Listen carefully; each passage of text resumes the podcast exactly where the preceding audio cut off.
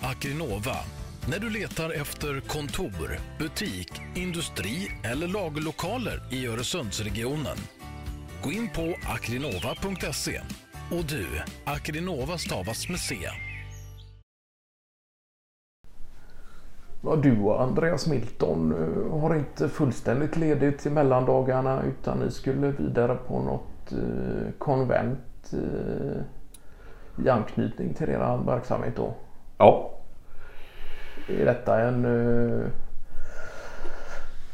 övernattningsprocedur då eller? ja. Ja. Det är ju två dagar sammanlagt. ja. Eh, Ja. Det är väl inte något som i ja, som vare sig jag eller Milton är tvungna till att göra. Eh, Utan det är ju något man använder, anmäler sig till frivilligt då. Delar ni upp körningen då på något sätt eller är det bara eh, Nu är det ju ganska... Ja, sen ett antal år tillbaka så har jag vanligtvis varit själv ja, eh, på detta. Men det är ju kul nu att jag har fått med Milton i och med att han har blivit mer och mer eh, inriktad på ja, den typen av engagemang i verksamheten som inte just förutsätter arbete ute i fält? nej. Eh, ja, vad är det? Fyra timmars eh, körning. Ja, ja. Det är inte allt för... Eh, Och detta var i Södertäljetrakten? eller? Ja. ja. Annars är han inte direkt... Eh, det är klart han är ute i fält på det sättet att han är ute och stämmer av och, och liknande men håller sig som oftast på senare tid inom kontorets väggar. Ja. Nej, så har det ju blivit. I takt med att vi har växt så har vi ju fått ta in nytt folk.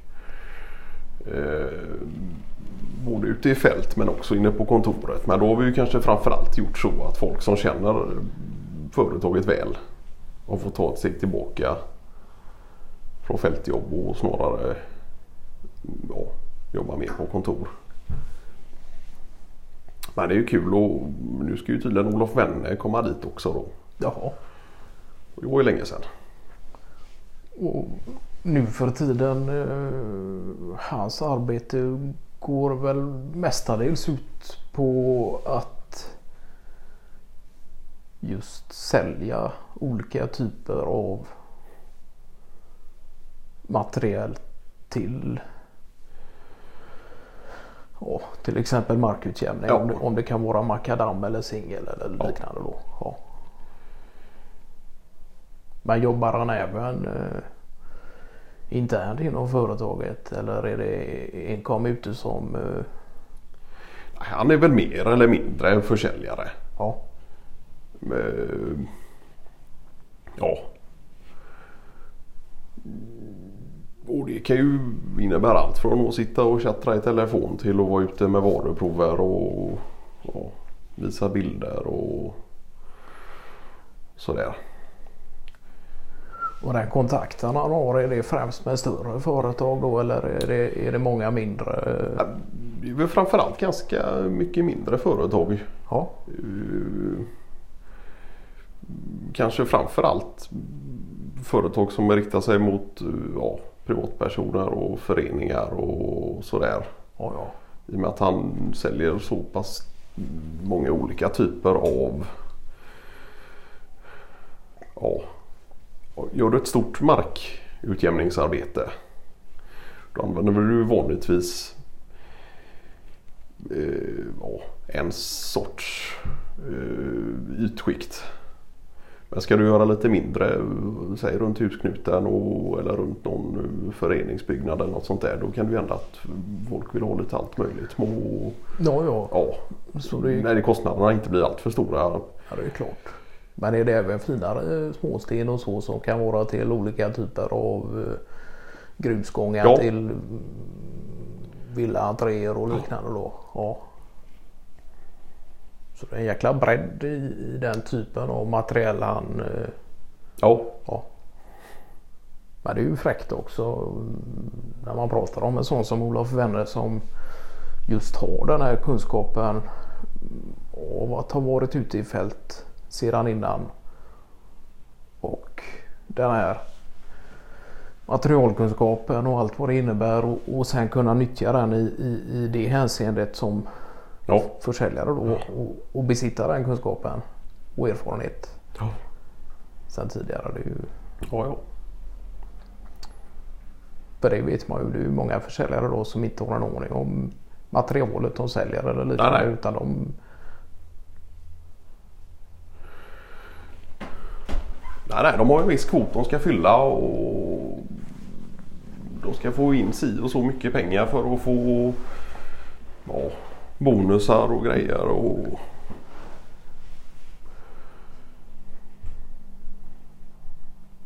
ja, de är väl snarare mer inskolade i en typ av försäljningsattityd snarare än en, ett intresse för materialet Ja. eh, i sig då. För att inte tala om alla busligor nu som ringer runt. Kanske framförallt äldre personer och Ja, säljer på. Det är ju förskräckligt eh, att man kan med och, och någon stackars pensionär som knappt kan äta pastej på mackan.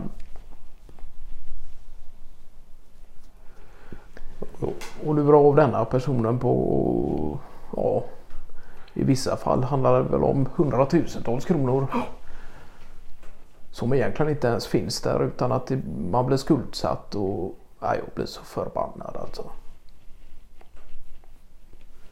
Men det verkar väl som att det, i och med att det har blivit ett så pass stort problem med den typen av bedrägeri att just att det kommer in mer resurser till polisiär verksamhet också som kan sätta Ja. hinder för detta. Att man börjar eh, förstå lite hur den här typen av verksamheter fungerar och att, Ja. eh, vilken typ av modell de arbetar med och, och genom den förståelsen också kunna sätta dit dem. Då. För att inte tala om informationsspridning. Och hur viktigt det är för kanske framförallt till äldre. Att ju mer sånt här som händer.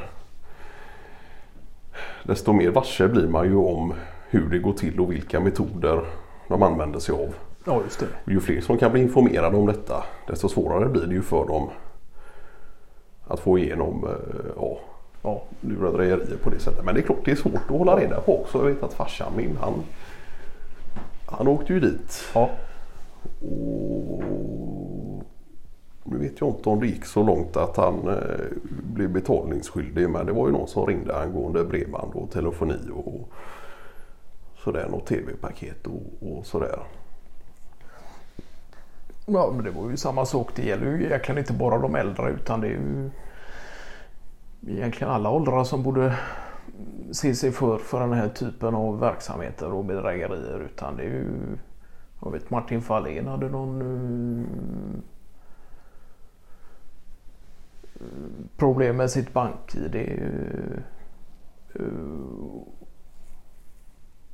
och i den här vevan eh, konstigt nog blev kontaktad av någon Ja, av den typen av sort av människa som kan tänka sig att bedrä, bedräga eh, andra medborgare.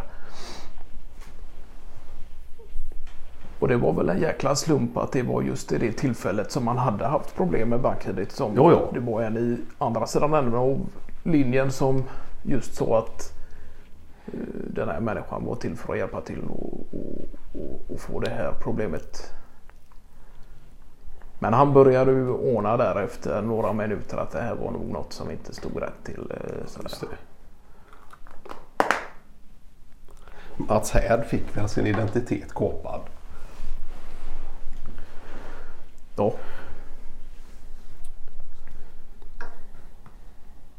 Det var ju någon liga som eh, gjorde som så att de eh, folkbokförde sig på hans adress utan hans vetskap. Och därigenom så blev det eh, någon typ av eh,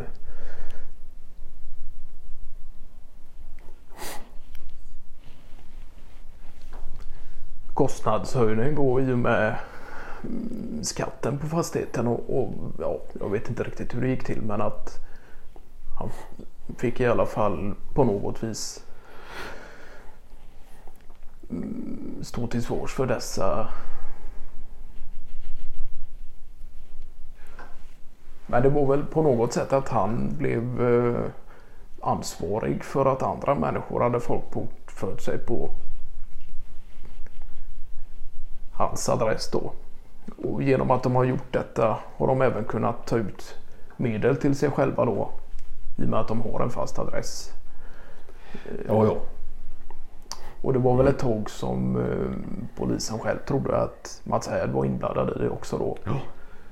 Och därav drog det väl ut lite på tiden och, och så. Ja, just det. Nej, så är det och det är ju svårt också att hitta. Och det är klart att det är svårt för en sån som här då måste ju hävda då att han inte har något att göra med de här människorna som har folkbört bort för sig på sin adress. Eh, och som plockat ut medel och vart de pengarna sen har hamnat. Det måste ju han kunna styrka med att de inte är hos honom på något sätt. Ja, precis. Uh, nej men så det var väl en jäkla procedur där för honom och, och mycket krångel och, och sådär. Mm, så här lyckligtvis sett kan man väl se det som så att han faktiskt inte hade några inneboende hos sig. Nej. Uh, och att han uh, till slut inte blev återbetalningsskyldig för detta då. Men det var Ja. en process som varade i ett och ett halvt år tror jag. Ja.